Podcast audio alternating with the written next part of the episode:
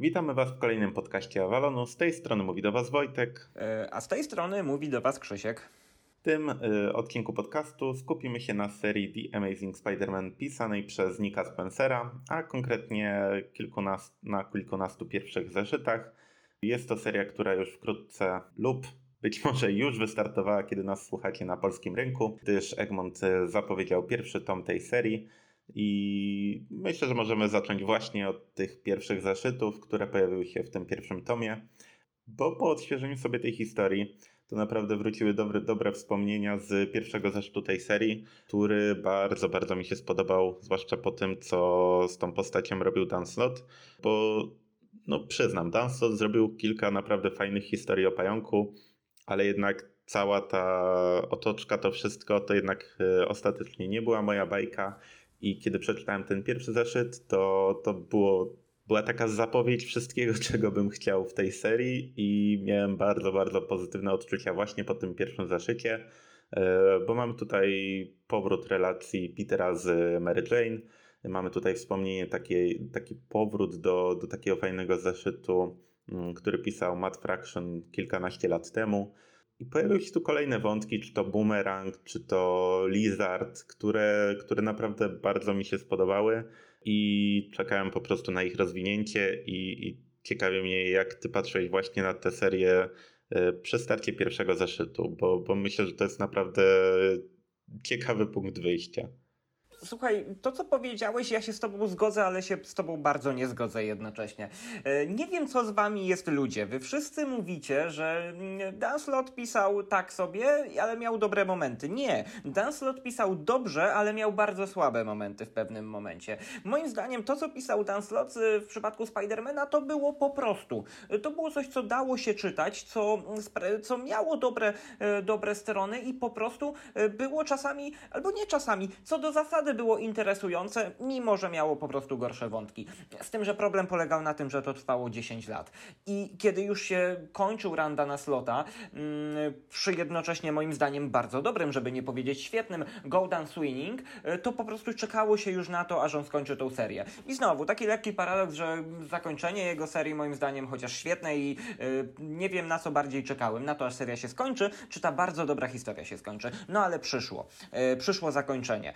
I nie tak jak ty mówisz, y, zwiastun nie był w pierwszym, w pierwszym numerze, ale była nim zerówka. Słuchaj, zerówka to było coś genialnego. Y, kiedy jeszcze żyliśmy w tym takim jakby ciężkim powietrzu Dana Slota, kiedy to było naprawdę męczące, przychodzi Nick Spencer, o którym wiemy, że jest świetnym scenarzystą, który robił naprawdę dobre rzeczy i wiemy też, że może pisać zarówno ciężkie, jak i lekkie historie. Lekkie, idealne dla Spidermana. I wchodzi z tą zerówką, wchodzi razem z Ryanem Otleyem, Przedstawia prostą historię, która wywróca, wywraca do góry nogami e, Petera Parkera, e, bo może nie tak wywraca do góry nogami, ale daje po prostu nowe spojrzenie, bo Peter Parker znowu jest młody. Udana slota, Parker był przedsiębiorcą, e, Parker był na dnie, Parker był na górze, ale ciągle to był ten stary stary Parker, 30-letni praktycznie, który, który trochę już swojego życia przeżył. A w przypadku wejścia Spencera z Otleyem, wydaje się jakby on znowu miał te dwadzieścia kilka lat, już w tej zerówce. I dzieją się rzeczy. Dzieją się rzeczy. Przede wszystkim też ożywcze rysunki Otleja, y, który ma styl bardziej infantylny, bardziej kreskówkowy y, w, przes, y, w przeciwieństwie do tych rysowników, którzy byli zaangażowani u Dana Slota. Więc po prostu zwiastun tego, co tam się dzieje, jest super. No i to był bodajże maj. Nie pachniała Saska Kempa, tylko był, tylko był Free Comic Book Day. I musieliśmy trochę poczekać, aż przyjdzie zeszyt pierwszy i co tam się działo. Dostaliśmy dokładnie to samo, tylko że lepiej. I w ogóle pierwsza scena. Otwieram zeszyt, bo miałem go w formie papierowej. Kolega przywiózł mi nawet jak był w Nowym Jorku.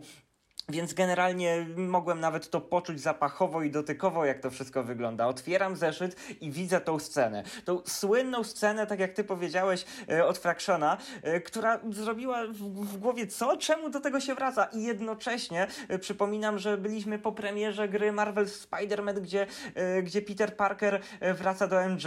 Czytam to i mówię sobie, nie, to nie może być prawda. Okazało się, że to nie jest prawda. Następnie akcja rusza z kopa. Żadnego wytłumaczenia znaczenia, co i jak. Od tego była zerówka, więc y, Spencer ma prawo y, nie poruszać tych wątków. Wszystko rusza z kopa, jest świetnie rozrysowana akcja, fajne cameo różnych bohaterów, wszystko fajne, ale dochodzimy do tego jednego najważniejszego punktu, kiedy Spider-Man spotyka się z Mary Jane i w zasadzie nie wiemy tego, że spotyka się z Mary Jane i połączą się razem, są znowu parą. To było, to było świetne. To Spencer pokazał wtedy, że może mieć totalnie gdzieś to, co Quesada robił przez tyle lat. I to była zupełnie nowa jakość. Właśnie ta scena. Do tego stopnia ja byłem osadzony e, w tym stanie rzeczy Spider-Manowym, który był do tego stopnia, że jak on przyszedł, e, przyszedł do mieszkania czyjegoś, bo muszę też zaznaczyć, że wcześniej wcześniej Spider-Man, e, e, znaczy Peter Parker został posądzony o plagiat e, i ten plagiat został wykazany. No bo wcześniej też w ranie Dana Slota e, Parker zachował się bardzo niedobrze, bo przypisał sobie osiągnięcia Otto Octaviusa, który e, był w jego cie- ciele. No swoją drogą Octavius też się źle zachował, no ale jakby to nie usprawiedliwia, e, to nie usprawiedliwia tego, co zrobił Parker. No i dobrze, wszyscy przestali wierzyć w Petera Parkera. Na pewien sposób przestała też wierzyć w niego ciocia May. Może nie przestała wierzyć, ale była zawiedziona jego, jego zachowaniem. I Wracamy do tej ostatniej sceny. Parker przychodzi do mieszkania i mówi, że mm, bez ciebie nie dam rady. Jesteś dla mnie bardzo ważną osobą. I wiecie, po tym, co, zrobi, po tym, co robił przez lata Dan Slott, jak wodził nas za nos, mówiąc, że ej, patrzcie, będą razem z MJ, będą razem z MJ, a później to się nie działo, to ja byłem przekonany. Byłem przekonany, już nauczony jak jakiś pies Pawłowa po prostu e, przez Dana Slota, że Spencer zrobi coś takiego, że on to mówi do cioci May. Nie, on to robi do MJ.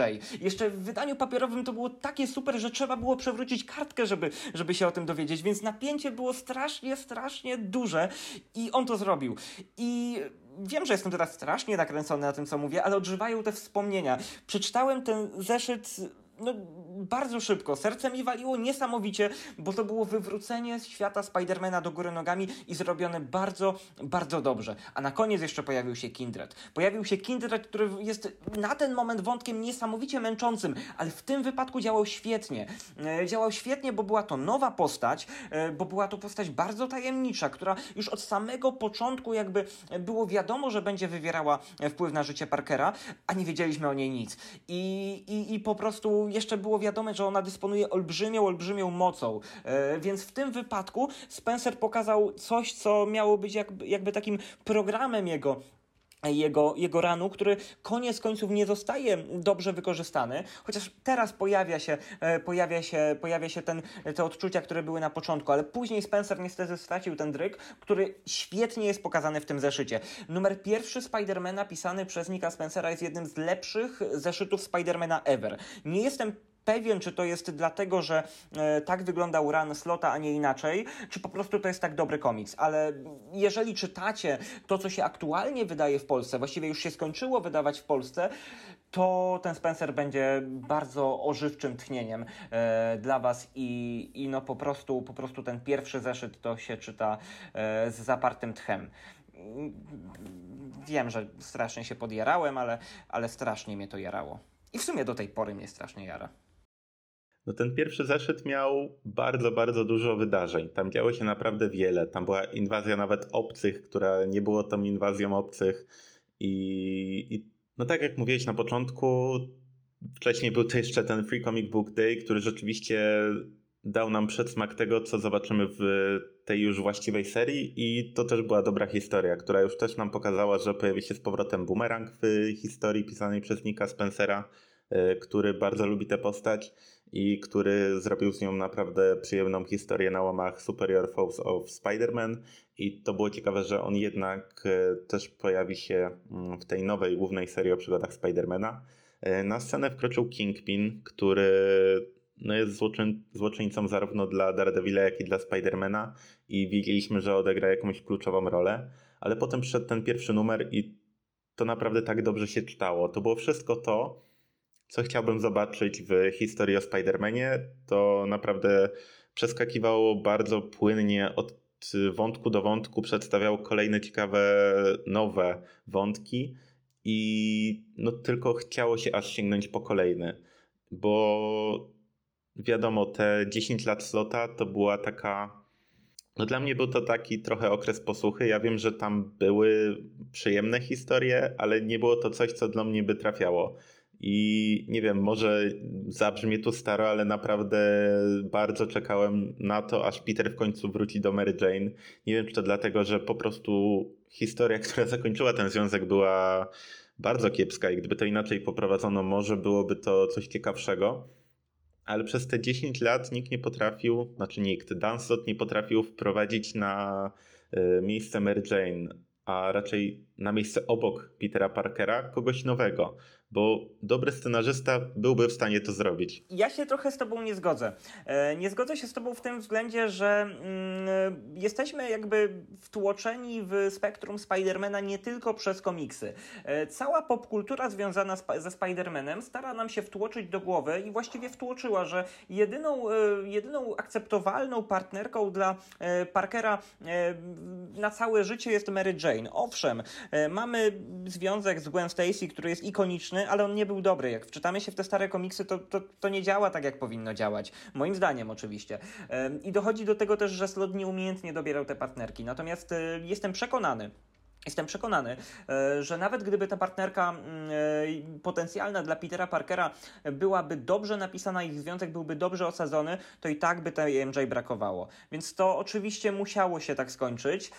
Tak, Kesada musiało się tak skończyć, ale, ale mm, no, no po prostu, po prostu nawet jeżeli byśmy mieli te jakieś zapychacze e, w postaci innych partnerek, moim zdaniem to by na dłuższą metę nie grało dobrze.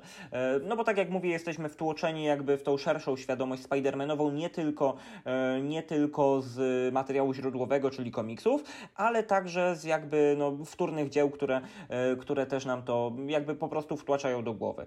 No a w ogóle jeżeli jesteśmy przy partnerkach, no to to, o czym ty też po części mówisz, koronacją tego wszystkiego, tej nieumiejętności umiejętności Slota do e, dobierania partnerek e, Peterowi była, e, był związek z Mockingbird, który tak bardzo nie działał, że nawet Dan Slot stwierdził, że on nie działa i to napisał, że nie działa.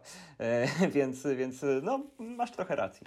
No to jest ciekawe, czy to jest właśnie kwestia tego, co mówisz, tych mediów wokół, wokół które no jednak zbliżają Petera właśnie do Mary Jane i nie ma tutaj alternatywy. No poza Gwen Stacy, tylko że ona w komiksach nie żyje. I to jest pytanie, czy Mary Jane też by musiała zginąć, żeby Peter e, znalazł sobie kogoś nowego. No w każdym razie to była rzecz, na którą czekało bardzo wielu fanów. Osoby, które zawiodły się slotem i które nie lubiły tej epoki, kiedy no, na siłę Mary Jane była trzymana z daleka od Petera i ona gdzieś tam się przewija w tych historiach i czuć było, że oni po prostu no, powinni być razem, a jednak nie byli. To była taka gra z czytelnikiem, która po prostu wkurzała. To było okropne, a najgorsze było ukoronowanie tego w jednym z ostatnich zeszytów. Może nie w jednym z ostatnich, ale w jednym z kilkunastu ostatnich zeszytów, e, kiedy oni się w zasadzie zeszli e, i zaczęli się w sumie całować i Peter zaczął się rozbierać, ale pod sobą miał strój Spidermana. I Mary Jane powiedziała, że nie. Tak, ona nie może się związać z, ze Spider-Manem. I w zasadzie to był moment, kiedy ja przestałem wierzyć, że to się w najnowszych latach e, ziści, że oni z, się zejdą. No bo w sumie MJ ma jakieś takie dosyć duże podstawy, że żeby, e, żeby nie być z Peterem. No bo Spider-Man. I bardzo mnie cieszy to, że Nick Spencer miał to gdzieś bo po prostu, dobra, fabularnie to nie ma uzasadnienia. Fabularnie e, Mary Jane nie powinna być w pierwszym numerze z, z Peterem Parkerem, bo raptem kilka tygodni wcześniej, e, może nie nawet kilka tygodni, może tydzień, dwa wcześniej, jeżeli chodzi o linię e, czasową, powiedziała, że ona nie może być z kimś, kto jest Spider-Manem. I teraz ma to gdzieś. I owszem, no to jest dziura fabularna, ale ja mam to gdzieś. Ja mam to gdzieś, ja to kupuję totalnie. Niech tak będzie, zapomnijmy po prostu o tym, przymknijmy na to oko, oko niech to działa. Tylko teraz pytanie po tym wszystkim, co powiedzieliśmy o tym pierwszym, no rzeczywiście bardzo dobrym zaszycie. Czy coś z tego dalej wynika? W mojej ocenie trochę nie. Ja naprawdę bardzo pozytywnie patrzyłem na te kolejne zaszyty i powtórna lektura y, utwierdziła mnie w przekonaniu, że jednak to, co pojawiło się w tym pierwszym zeszycie, zostało zaprzepaszczone. Mm, powodów jest kilka i, i myślę, że rozwiniemy je, je za chwilę. No ale chociażby ten wątek Mary Jane, ona w mojej ocenie gdzieś tam jest z boku tego Petera i mamy tu fajne sceny, kiedy oni no ponownie są razem, tak?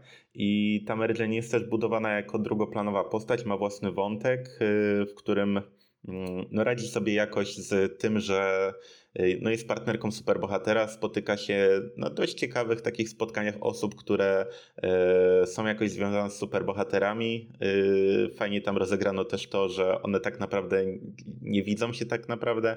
I to jest też ciekawe odniesienie do tego, co mówisz, że ona wcześniej nie była do tego przekonana, a tutaj widać, że jakoś sobie chce radzić z tym, że jest związana właśnie z superbohaterem.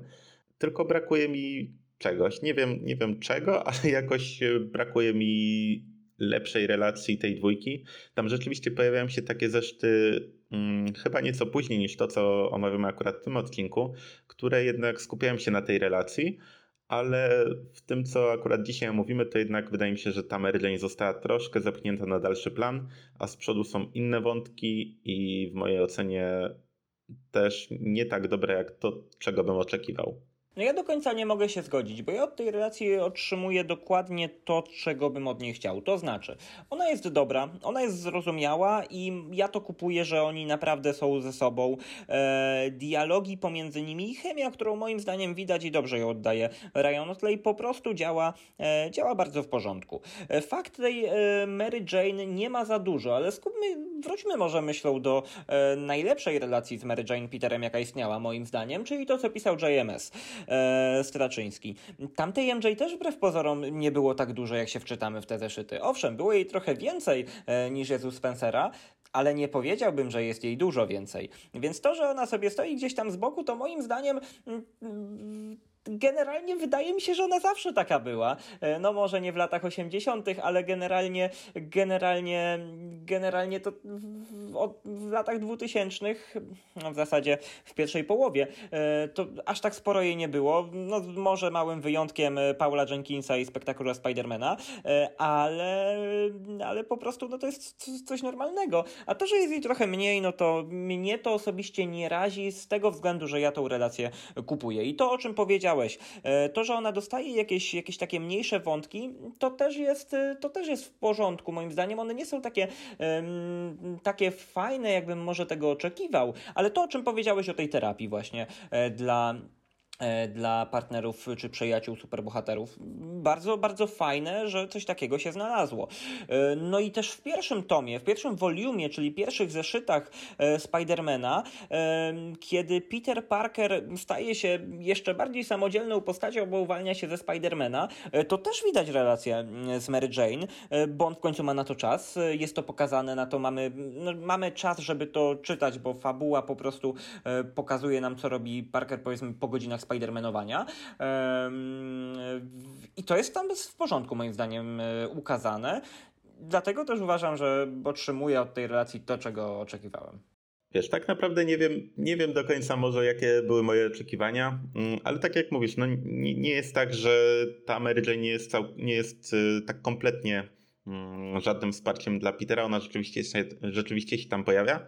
Być może jakieś mam inne wspomnienia z tych innych e, serii, tak jak wspominałeś w JMS-ie, tam był też konflikt między nimi. Tam jest cały czas to, to, że ona jednak nie chce być tą partnerką superbohatera, gdzieś to tam się przewija, e, jeżeli dobrze pamiętam.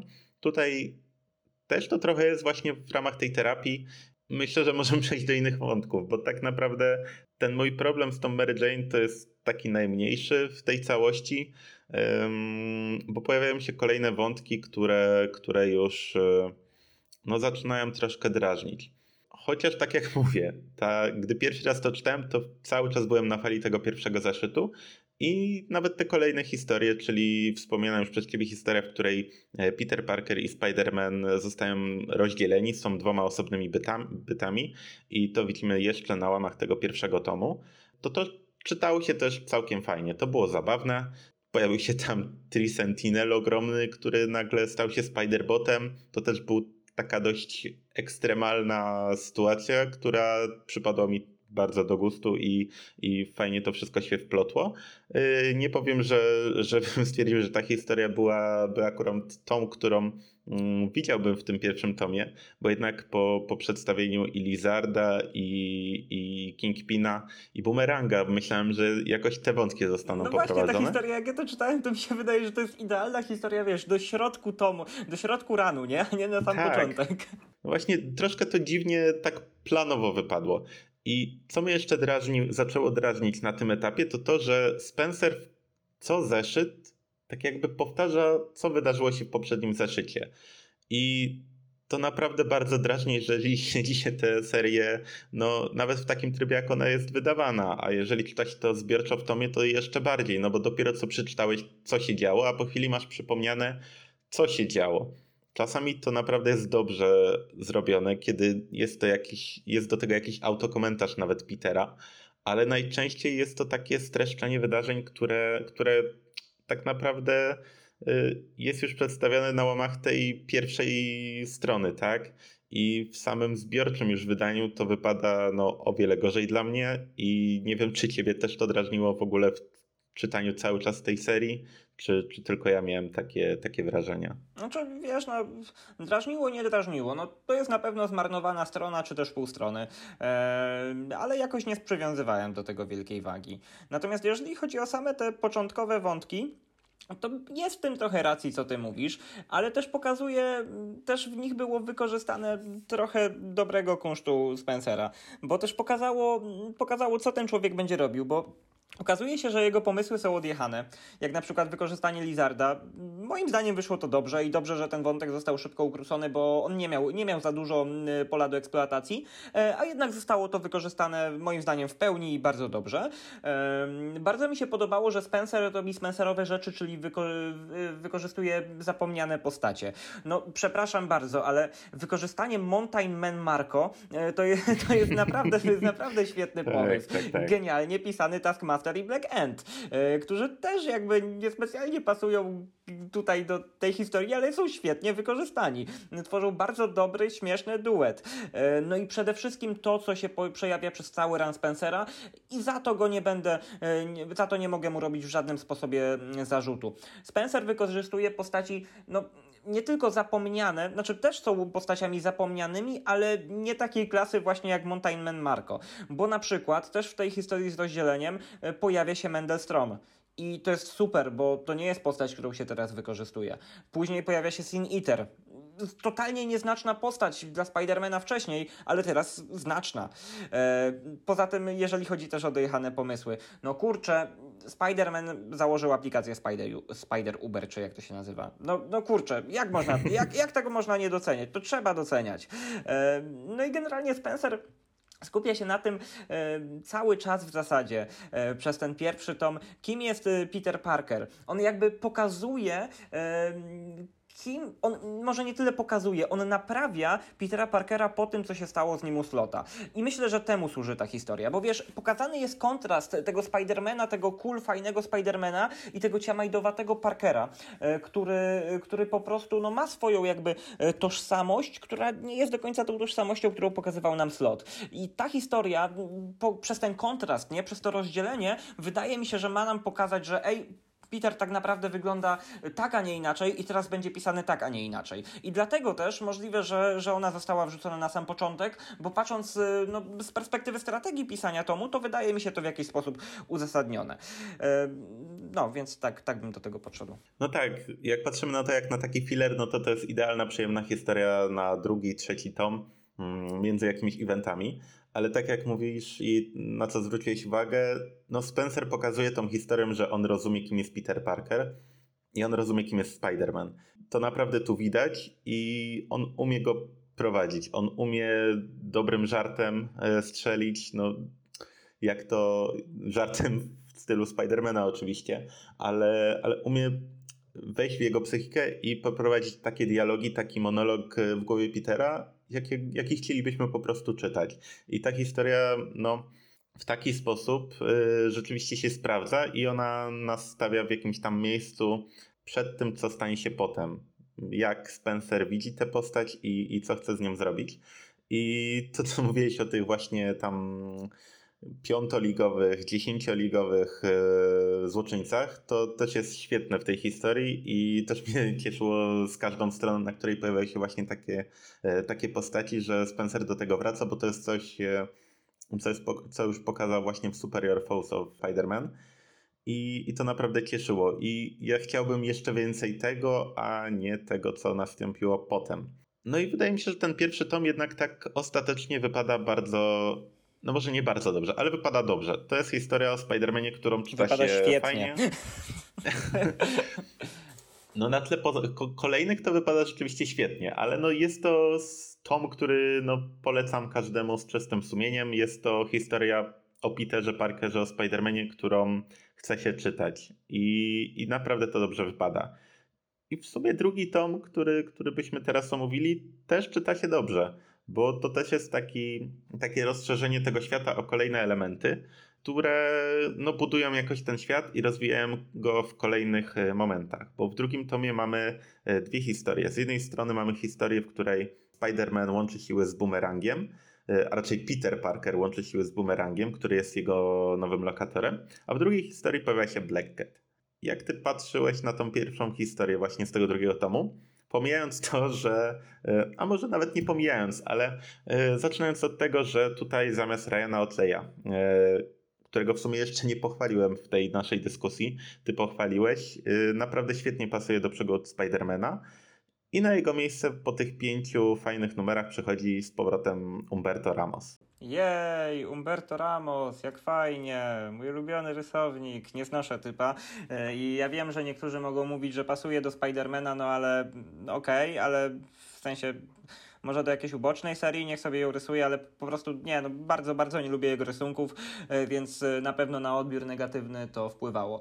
Ale jeżeli no chodzi... wiesz, on pasuje do tego Spidermana, tylko że ileż można. To nie jest tak, że tylko Umberto Ramos rysuje świetnie Spidermana, bo on, wiesz, e, wspomniana już chyba przez ciebie seria Spectacular Spider-Man była przez niego bardzo fajnie rysowana i to chyba była jedna z pierwszych jego historii i to było coś takiego wow, że no fajny klimat i w ogóle świetnie. Ale jeżeli on nawet u Slota występował, to po co z powrotem go przywracać u nowego scenarzysty? Czemu nie ma tu kogoś nowego? Znaczy, no tak, masz rację, tylko że no tak jak ja mówiłem, on fajnie się sprawdza w tych seriach ubocznych, e, moim zdaniem, i on niech sobie rysuje serie uboczne, tak, tak jak to wyglądało w przypadku spektakulara Spidermana, e, ale on też rysuje trochę dziwnie i ma czasami dziwne interpretacje postaci. Wrócę jeszcze raz do tego spektakulara. E, jego interpretacja Dok Oka jest szalenie dziwna, szalenie dziwna. Zresztą było to, było to pokazane też interpretacja starego Dok Oka e, Uslota też jest, no, no, no bo, bo, można powiedzieć, że ciekawa, chociaż moim zdaniem po prostu dziwna. No moim zdaniem jest to nieestetyczne, ale, ale jak mówię, każdy może to e, interpretować po swojemu. Nie bronię nikomu lubić Ramosa, ale to, co mówisz, to jest prawda. Ileż można, są też inni rysownicy. No jeżeli chodzi o ten drugi tom, to moim zdaniem to wypada w taki sposób, że początkowo e, ja też, e, ja też tego, tego, tej historii nie lubiłem.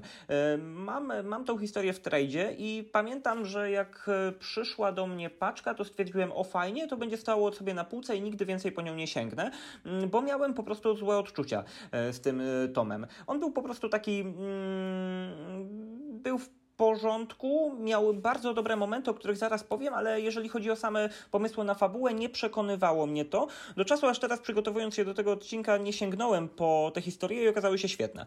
E, no i tak jak mówiłeś, początek, e, początek e, tej przygody Parkera z bumerangiem to jest szczał w dziesiątkę, bo znowu jakby jesteśmy naokoło tego Parkera, poznajemy też trochę jak wypada w relacji po prostu z nieznośnym współlokatorem, który przy okazji jest złoczyńcą.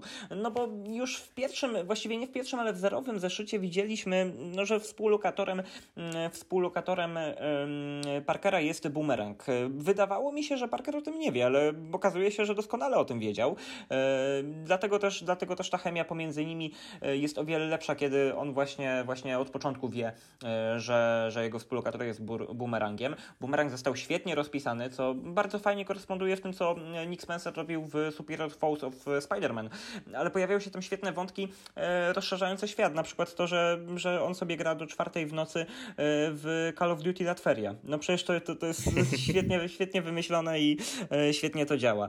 No i mm, ten cały pokręcony świat tych pomniejszych złoczyńców został świetnie pokazany, że oni sobie robią w ogóle trivia night z pytaniami o Spider-Manie, gdzie Peter Parker może wygrać konkurs, a później robi się rozruba. No, oglądało to się naprawdę, naprawdę dobrze. Nawet okropne rysunki Umberto Ramosa mi w tym nie przeszkadzały koniec końców, więc no więc na razie, jak jesteśmy przy tej historii, to się, e, to się wycofuje z tego, co, e, co mówiłem. No i przy okazji pojawia się ten wątek MJ, o którym mówiliśmy wcześniej. E, bardzo, jeszcze tutaj chcę tylko nadmienić, że bardzo podoba mi się to, że Spencer jednak stara się jakby tutaj coś tłumaczyć, nie? że on by mógł, on by mógł to zostawić same, samo dla siebie i koniec końców byśmy się cieszyli, że, że ten związek znowu się pojawia w tym komiksie, ale on robi coś ponad to. Moim zdaniem nie musiał tego robić, ale zrobił i to działa tylko i wyłącznie dla niego na plus.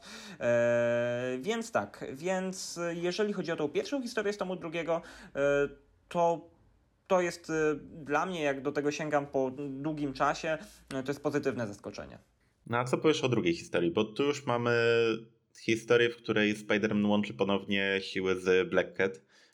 I o ile dobrze pamiętam, to Black Cat raczej nie występowała u Dana Slota, y, a to jest też taka postać, która jednak jest blisko Petera Parkera nawet i widzimy to dość dobrze właśnie w dialogach między tymi postaciami, bo Black Cat została poszkodowana przez to, że no, nie wie, że Peter to Spider-Man.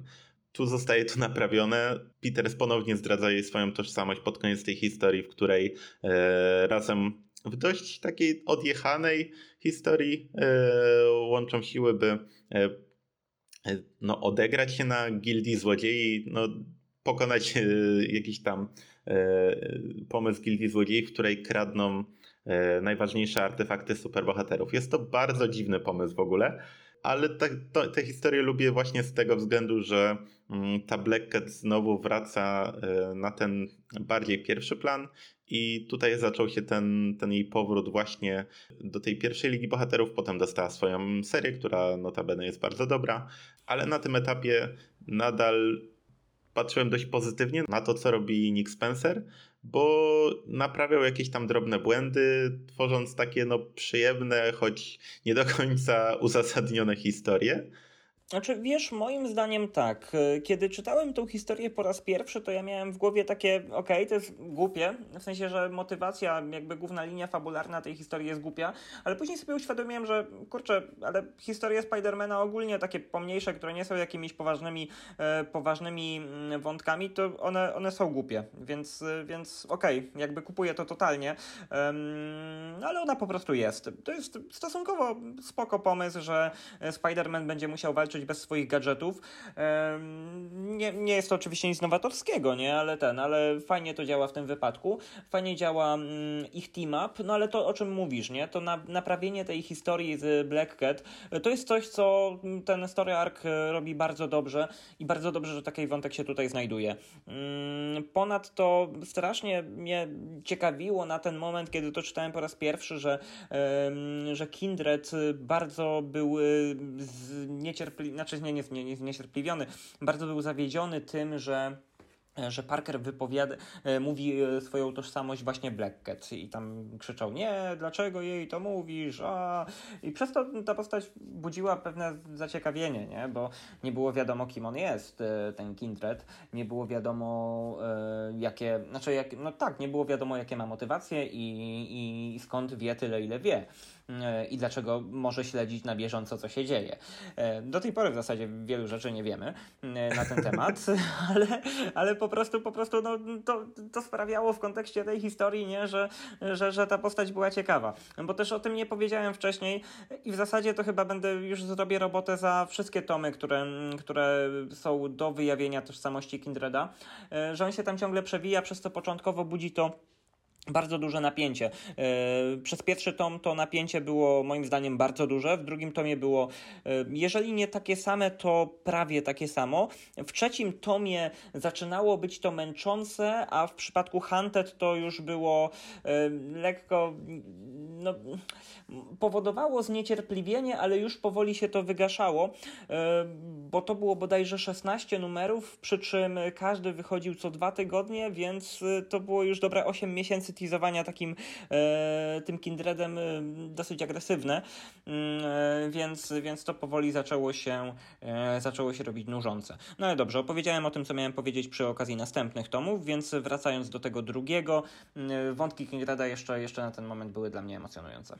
No i potem przychodzi trzeci tom, gdzie no drugi też oceniamy dość pozytywnie, mimo iż na początku no, narzekałem, że jednak yy, nie poszło to w takim kierunku, w jakim bym chciał, to jednak czytać to po prostu przyjemnie. I trzeci tom wypada w mojej ocenie no tak jak drugi, yy, z tym, że pierwszą historię, która, która pojawia się w tym tomie, rysuje Ryan Otley, więc yy, o tyle dobrze, że rysunki są tu lepsze niż Umberto Ramosa. I w tej pierwszej historii mamy chyba pierwsze pojawienie się J. Johna Jamesona właśnie w tej serii i to jest bardzo fajnie skonstruowana historia i nie wiem, czy na tym etapie obok pierwszego zesztu nie była to moja druga ulubiona historia, bo J. Jonah Jameson na pewnym etapie y, poznał tożsamość Spidermana i zaczął być e, już nie największym jego przeciwnikiem, tylko największym poplecznikiem. I to też wypada bardzo śmiesznie. Jest taka jedna cała rozkładówka, na której J. Jonah Jameson krzyczy, że krzyczy w radiu, że Spider-Man jest na największym bohaterem. Tu mamy historię, w którą ponownie zostaje wplątany Kingpin i Johna ma odebrać od niego nagrodę, ale po drodze zostaje porwany i to bardzo fajnie wszystko tak płynnie, płynnie się e, czytało. Pojawią się to ponownie tacy bohaterowie raczej z y, dalszych lig, czyli Enforcers i pojawia się tutaj też Bigman. No dla mnie była to bardzo przyjemna, fajna taka historia, która trafia w każde odpowiednie punkty związane ze Spider-Manem mm, i, i tu ponownie chyba odrodziła się moja nadzieja do Nika Spencera, że jednak da nam naprawdę e, dobrą historię o Spider-Manie, dobrą serię o Spider-Manie.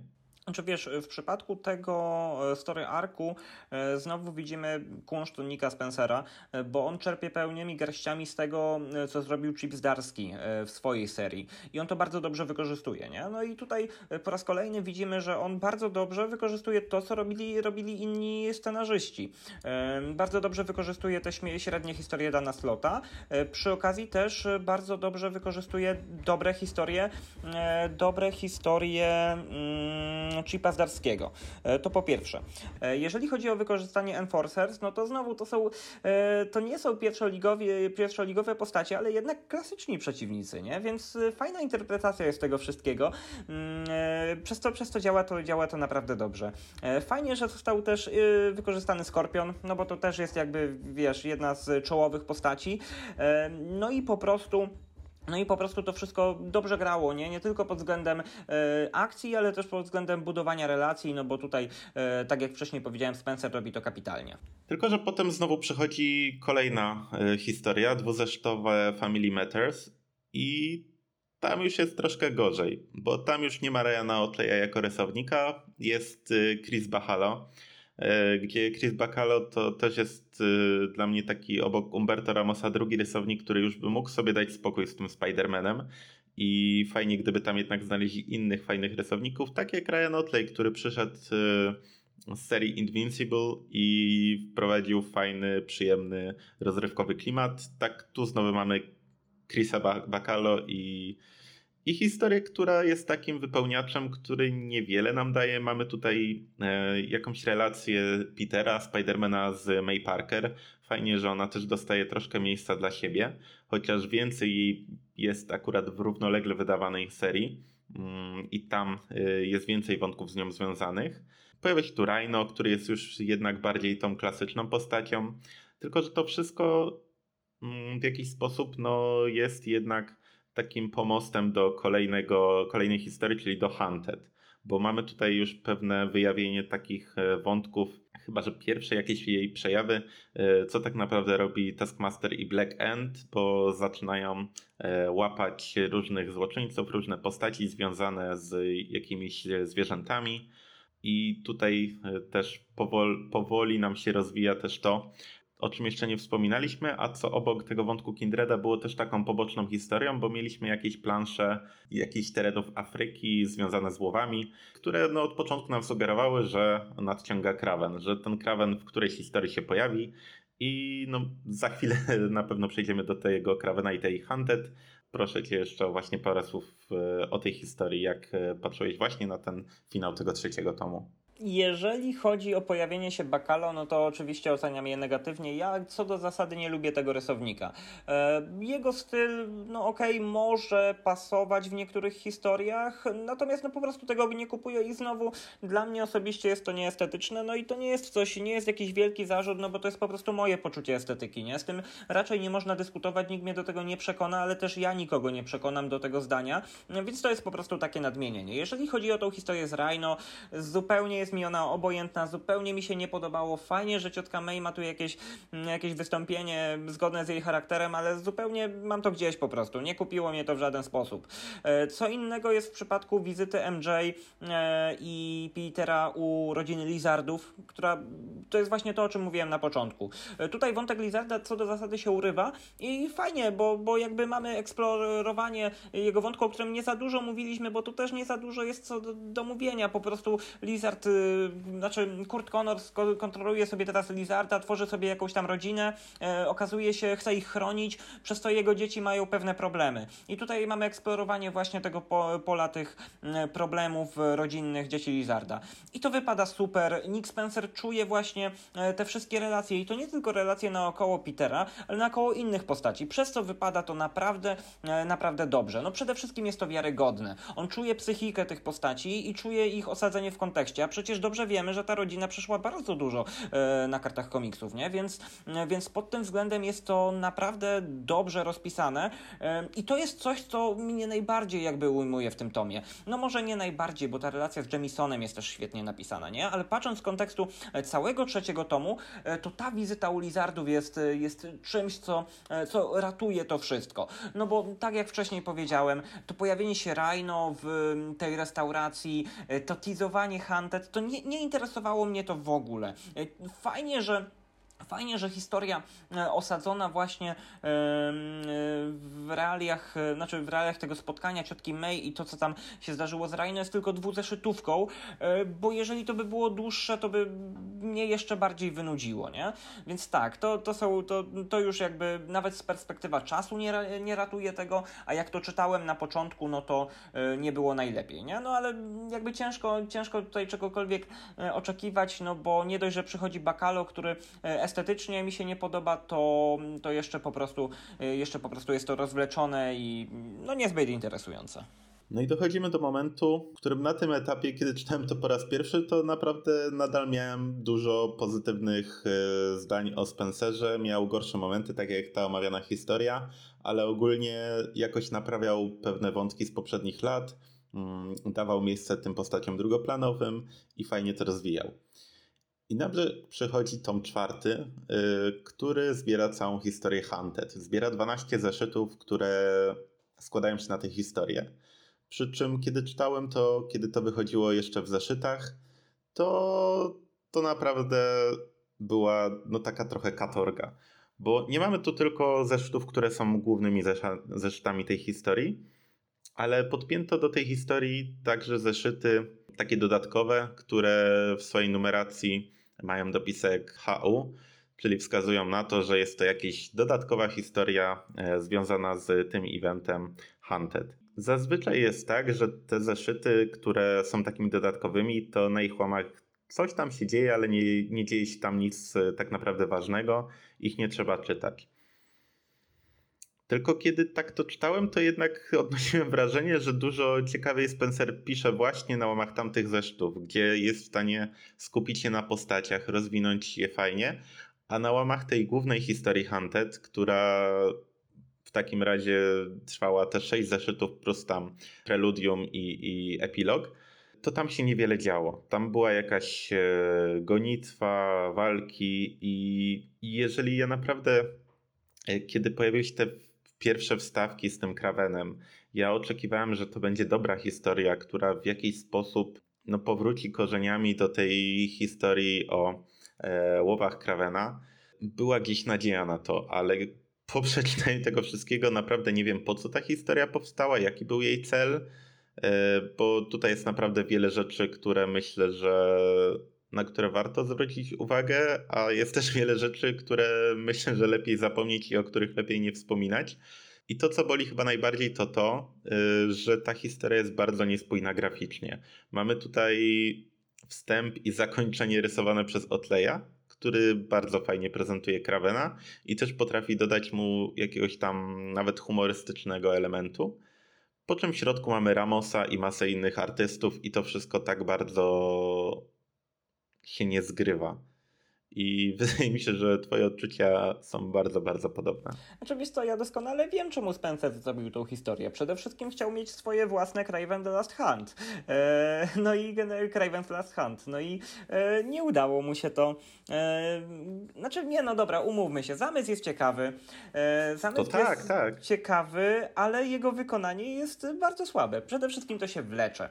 E, pomysł jest, tak jak powiedziałem, pomysł jest spoko, ale nie na tyle, żeby to by, wiesz, obejmowało tyle numerów. Nie jakby to był jeden prosty story arc, no to by było, to by było, to by było w porządku, ja bym się do tego nie doczepiał. Ale nie, nie, Spencer chciał mieć własne e, wiekopomne dzieło, które, które będziemy pamiętać tak jak właśnie ostatnie łowy Cravena, ale nie, nie będziemy tego pamiętać. A jeżeli będziemy pamiętać, to właśnie jako ten punkt zwrotny e, w jego ranie, od którego jest już e, coraz gorzej. No i tak, tak jak wcześniej wskazałem, wszystko trzyma się charakterologicznie Cravena, nie? Bo on jest tym myśliwym, e, on ma prawo być wkurzony na ludzi, którzy, e, którzy nie umieją polować, przez co, przez co wymyśla ten swój e, poroniony pomysł, w którym w którym no, odbywają się takie dosyć inne łowy. Też pomysł na to, żeby zaangażować w sprawę złoczyńców, którzy mają jakieś, wiesz, powiązanie ze zwierzętami, też jest w porządku, nie? Ale to tyle.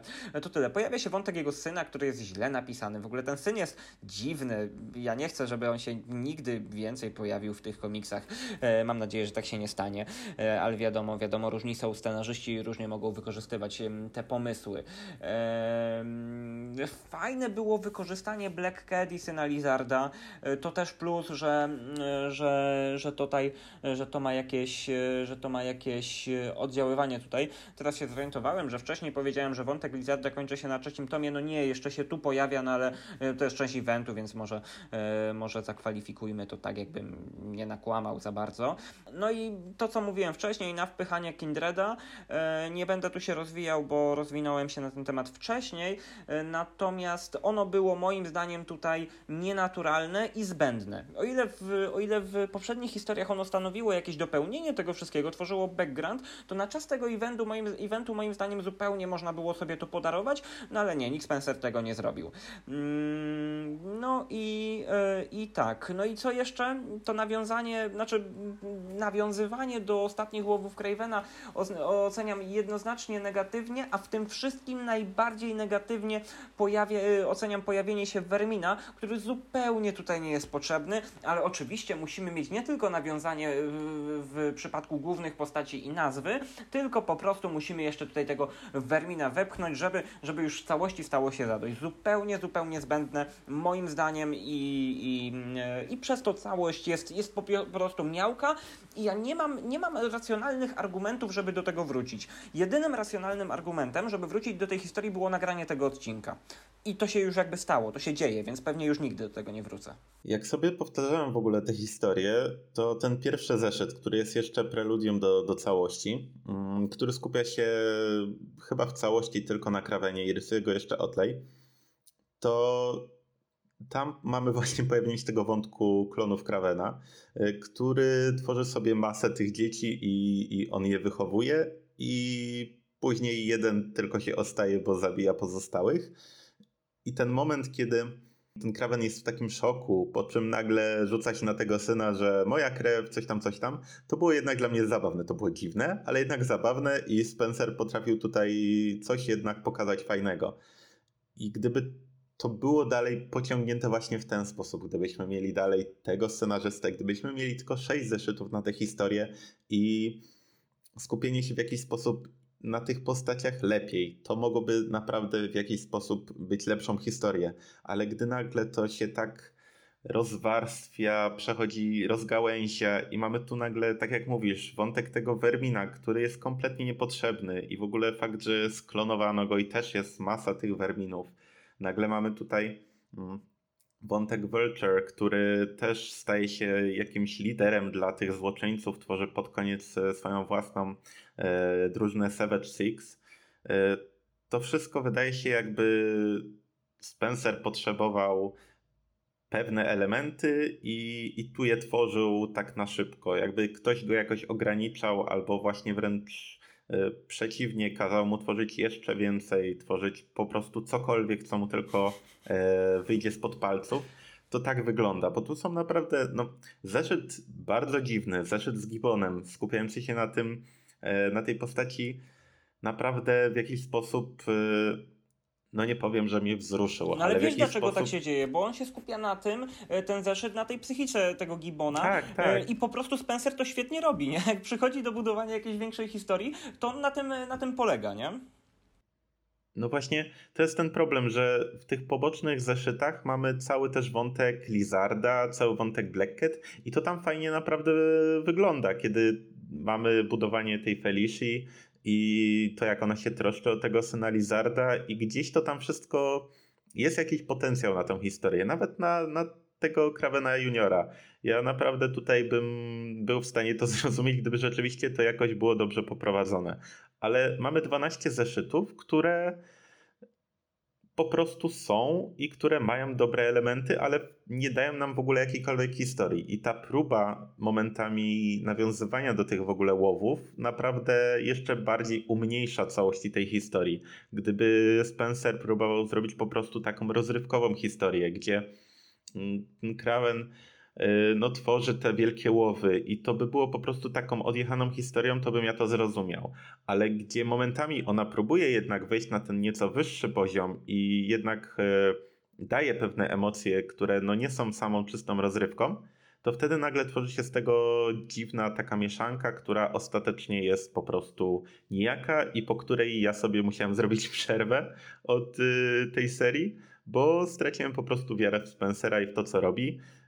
Po czym wróciłem do niej i znowu musiałem sobie zrobić przerwę i, i nadal jeszcze nie wróciłem do tej serii, ale o tym pewnie e, powiemy w naszym kolejnym omówieniu, bo na Hunted będziemy kończyć. Ja w zasadzie mogę powiedzieć tak.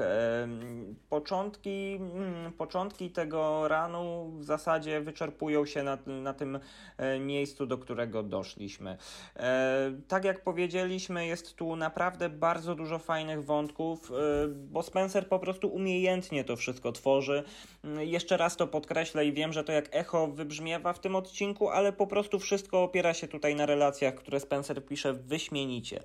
Natomiast w pewnym momencie następuje tu jakieś zmęczenie, przekombinowanie, może bardziej tak. Przekombinowanie to jest chyba lepsze określenie tego stanu, e, bo wszystko jest takie na siłę skomplikowane i to niedobrze, niedobrze działa, przedłuża się e, i po prostu te wątki też, które stawiają bardziej na akcję niż na relacje pomiędzy ludźmi, są po prostu niewiarygodne i nie, e, nie angażujące czytelnika. W związku z czym po prostu później ten ran staje się coraz gorszy. Jeżeli chodzi o to, co jest do tej pory, to wszystko wszystko sprawia wrażenie. Oprócz tego Hunted, że to będzie zwarta i dobra historia, która, e, która będzie, będzie po prostu rozwijała to, co było na początku. Tak jak już teraz wiemy, niestety się nie stało. E, następuje później wyraźny spadek jakości, e, więc tym bardziej chyba dobrze jest cieszyć się tymi pierwszymi trzema tomami, skoro mogą dawać jakąś tam frajdę, mogą nam postaci rozwijać. E, no więc chyba tym bardziej właśnie trzeba doceniać te pierwsze trzy tomy, bo później już nie ma czym się zachwytać. Oprócz paru wyjątków, o których zdarzyło mi się już mówić, ale to jest stosunkowa nieodległa przeszłość, bo dopiero teraz e, Spencer ma jakieś podrygi tego, co widzieliśmy na pierwszym, e, w pierwszym tomie. E, no i tak jak już mówiłem w jednym odcinku, i niech to będzie jakąś ilustracją tego, jak bardzo to się dłuży.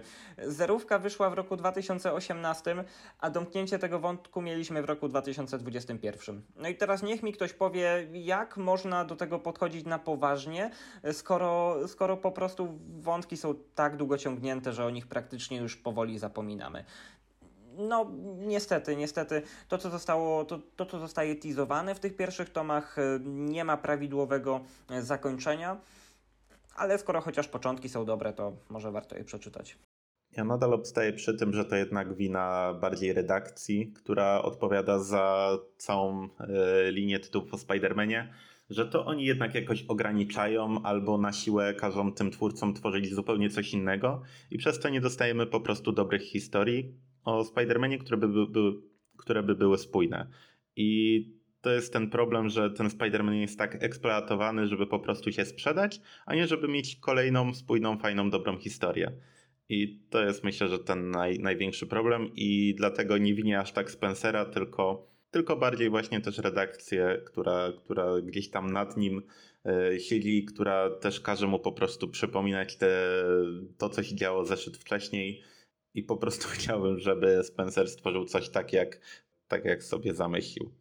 No tak, no generalnie redakcja to jest zawsze największa bolączka, no i w przypadku właśnie Spider-Man niestety jest ofiarą swojego własnego sukcesu, że, że ta redakcja jest wyjątkowo, e, wyjątkowo tutaj nieubłagana. Zresztą widzieliśmy to już wielokrotnie. Właściwie każdy duży e, scenarzysta w, ostatnim, e, w ostatnich e, 20 latach miał takie bolączki, no właśnie niesławne One More Day, które było wynikiem działania redakcji, później karuzela w zasadzie e, w życiu Parkera z- w przypadku Dana Slota, to też jest przecież wynik redakcji. No i owszem, jak ja obwiniam tutaj właśnie Dana Slota czy Spencera, no to mam za plecami, że to może być nie do końca ich wina. Swoją drogą jestem strasznie niespójny na tym polu, bo nie przyszłoby mi nigdy do głowy, żeby za One More Day obwiniać JMS-a, ale w stosunku do Slota i Spencera już jakby, jakby spokojnie sobie jakieś oskarżenia e, wyciągam, no ale dobra, nie muszę być zawsze spójny w 100%. E, no ale tak, tak, tak, masz rację, masz rację, tak się niestety dzieje, no i na to, e, na to nie mamy za dużego wpływu. Kończymy ten odcinek w gorszym nastroju niż zaczynaliśmy. Y, Myślę, że możemy jeszcze dodać to, że pod koniec Hunted pojawia się kameleon, który odegra rolę w W kolejnych historiach. 2021 roku. Tak, ale tu mamy już to teasowane. Jeżeli zastanawiacie się, czy sięgnąć po tej historii, to naprawdę ten pierwszy tom spokojnie możecie zacząć czytać. Problematycznie się robi później, ale no nie wiem, w ósmym znowu będzie dobrze, prawda? Tak, tak, tak. Zobaczymy jak będzie w dziewiątym, ale ósmy jest spoko. Pozostaje nam zaprosić Was y, na naszą stronę internetową.